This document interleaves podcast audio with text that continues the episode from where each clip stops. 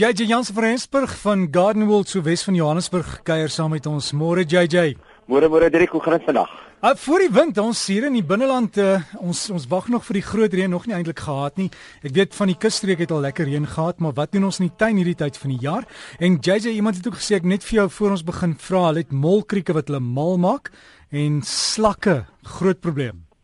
Daai, dis reg, ons kan daaroor gesels. Kom ons kyk 'n bietjie eers van alles na jou molkrieke. Kyk, daar is verskeie uh insekdoders wat mens kan gebruik teen die molkrieke. Mens moet maar onthou dat dit is nou 'n bietjie laat om die molkrieke te behandel omdat die molkrieke al baie groot is en omdat hulle eintlik al op 'n volwasse stadium is en baie min van jou insekdoders maak hom eintlik nou dood.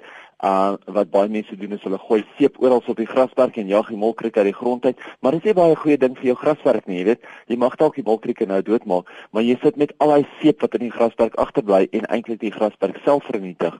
So pas op daarvoor.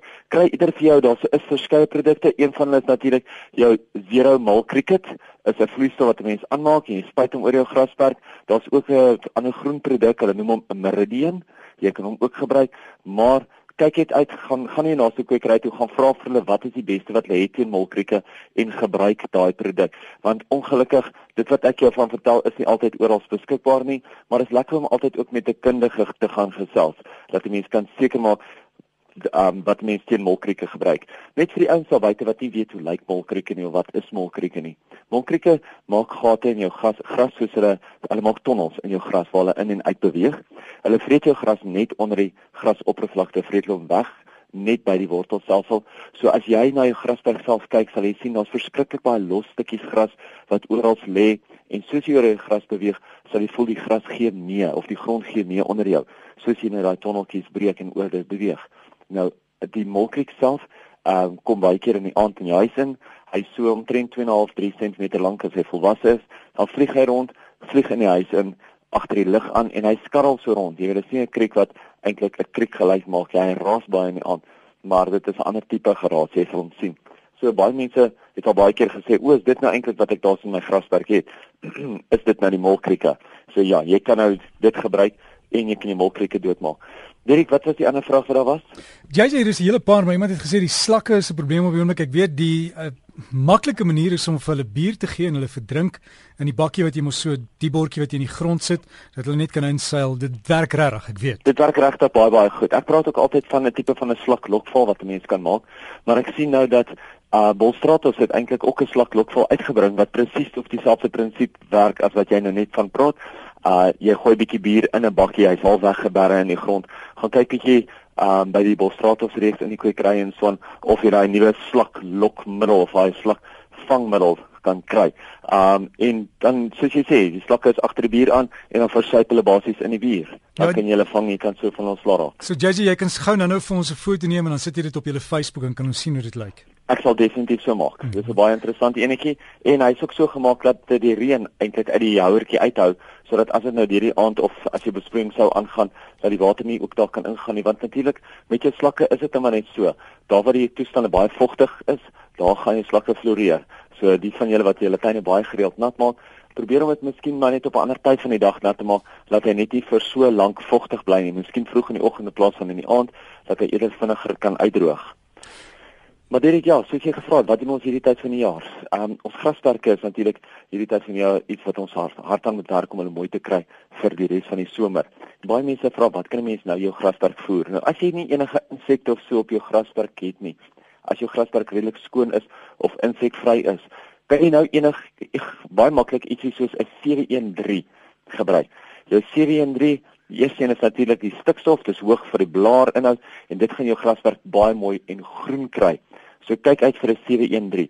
As jy wel probleme het met insekte op die grasperk, nou ongelukkig nie molkrieke nie, maar meeste ander insekte word gedek deur 'n 411 plus carba spray. Jy koop hom as 'n 411 plus carba en hy gaan natuurlik vir jou van meeste van die insekte ontslaa. Jy moet nou baie water gee want jou grasperk wil nou in hierdie warm weer lekker baie water hê, maar ons moet ook kyk na die onkruide en daarsoos moet mense nou kyk na watter tipe onkruid pla jou grasperk. Vat 'n voorbeeld van na jou laaste kwekery toe. Gaan vra vir hulle wat is dit? Laat hulle vir jou identifiseer as hulle kan en dan kan jy jou grasperk spuit met die regte onkruiddoder. Anderste gaan jy net onnodige onkruiddoders uitspuit uitspuit op jou grasperk en jy gaan nie regtig weet of dit vir jou graswerk gaan werk of nie. So haal 'n stukkie uit, vat dit in en gaan gesels met iemand by 'n kwekery. Baie belangrik is natuurlik ook die onkruide in die beddings op hierdie tyd of hierdie tyd van die jaar kry ons geweldig baie onkruide wat in die beddings opkom. En baie mense skoffel skoffel, maar dit voel ook baie keer as 'n mens net nie die mars opkom nie. As 'n mens net asof 'n mens net te veel onkruide het en laat 'n mens net heeltyd met onkruide uittrek. Nou wat baie ouens doen in groter tuine waar hulle nie by al die onkruide se uithaal kan kom nie, is hulle loop eenvoudig deur en hulle breek net die onkruidsade af. Want onthou as jy daai onkruide voel net in die helfte kan krak en jy kan net net van daai sade ontslaa raak is dit 'n baie groen manier om van hom ontslae te raak en baie onkruide skiet net een keer 'n jaar saad. So as jy dit nou kan doen en jy kan van hom so ontslae raak, gaan jy ook oor die langer tydperk baie minder onkruide in jou tuin tuin kry. Um baie mense wil ook nou weet as hulle nou hulle gras sny. Wat kan hulle doen met daai grassnysels? Kan hulle dit vat en in hulle beddings inwerk?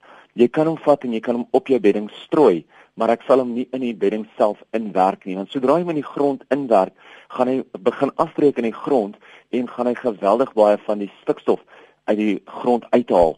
So as jy mens dit sou inwerk, moet jy baie stikstof nou weer bygooi. Wat jy eerder kan doen is jy kan 'n grasnysels op jou beddings gooi as 'n deklaag en dan behoort hy so soos die aardworms dan hulle werk doen en die mikrobes hulle werk doen, gaan hulle die grasnysels soos hulle wegvrot in die tuin of in die bedding invat en jy gaan nie daai probleme hê nie. Nou baie mense sal nou weer sê, maar dan sal my gras mos nou in die beddings groei want nou gooi ek grasnysels in die beddings. As jy jou gras gereeld sny en dit is net die blaar, dan sal jou gras nie in die beddings groei nie.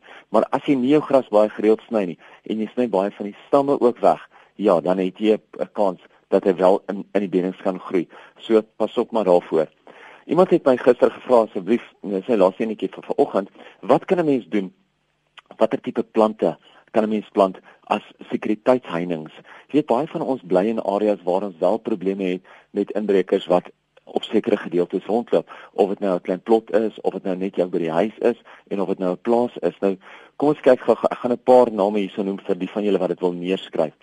In jou groter tuine is daar so twee waarna mense kan kyk wat baie goed kan werk. Die eerste een is 'n baie ou bekende ene en dit is jou gewone ou vuurdoring. Nou jou vuurdoring is 'n paracantha. Hy groei so plus minus 3 meter hoog. Hy word verskriklik dig en as jy hom eers mooi gevestig het, gaan niks deur hom gaan. Ek sê altyd meeste trekkers sal deur hom kan ry nie. Dan ook jou inheemse akasia karoo wat natuurlik jou soetdoring is. 'n Mens kan jou akasia karoo kan jy plant en jy kan hom lekker afsny want dit is mos eintlik 'n boom wat sê 5, 6, 8 meter hoog word. Maar sou jy hom plant en sou jy hom net 'n meter of wat van die grond afsny die hele tyd, word hy ook 'n verskriklike digte heining. Hy's baie hard en hy is regtig baie baie dig, laat mense glad nie deur hom kan gaan nie. Baie mense plant ook op die plotte en plase daai groot uh saiselplante, daai agave of die yuccas by hulle tuine. Nou, hulle werk ook baie baie goed, maar mense het heelwat van hulle nodig en jy moet hulle redelik dig teen mekaar plant voordat hulle regtig die ding gaan doen. So jy kan gaan kyk na die agave en die yucca. Ek het gepraat van die vuurdoring en natuurlik van die soetdoring. Dit is vir jou groter tuine. Vir jou medium groot tuine kan 'n mens kyk na gewone ou boupen villas. Hulle het lekker skerp dorings aan hulle. Dan is daar so een wat vir my 'n wenner is en dit is die Berberis juliana. Nou die Berberis juliana is 'n immergroen Berberis. Hy's verskriklik gehad en hy dorings so dun soos naalde. So as mense hom daar kan plant, gaan hy net so goed werk. En dan kan jy ook weer kyk na die inheemse kai appels. Onthou ek noem nou maar net 'n paar name. Daar is nog baie wat kan werk, maar ek noem nou net van die wat baie maklik verkrygbaar is by kwekerye. In kleiner tuine is daar tweeetjies en dit is natuurlik jou Christusdoring, dit is jou Euphorbia milliae. Jy kry hom as mos met die pragtige rooi of pink of geel blommetjies, dis jou Christusdoring of jy kan kyk na jou klein noemnoem en dit is jou Carissa. Hulle noem hom ook 'n groen tapuit of 'n green carpet, maar hy maak ongelooflike klein fyn skerp doringkies tussen hy pragtige blare, mooi wit blomme en natuurlik daai vruggies wat ook belangrik is vir die voëls. JJ Jansen van Rensburg wat so lekker saam met ons kuier hier en jy kan geloer op hulle Facebook en dis Garden World Nursery soek maar net daar. Hy sê ons daai foto van daai slangie dingetjie gaan opsit en jy kan ook op hulle webtuiste loer gardenworld.co.za en as jy vir JJ wil e-pos dalk met jou vraag JJ net JJ JJ JJ by gardenworld.co.za. Lekker tyd maak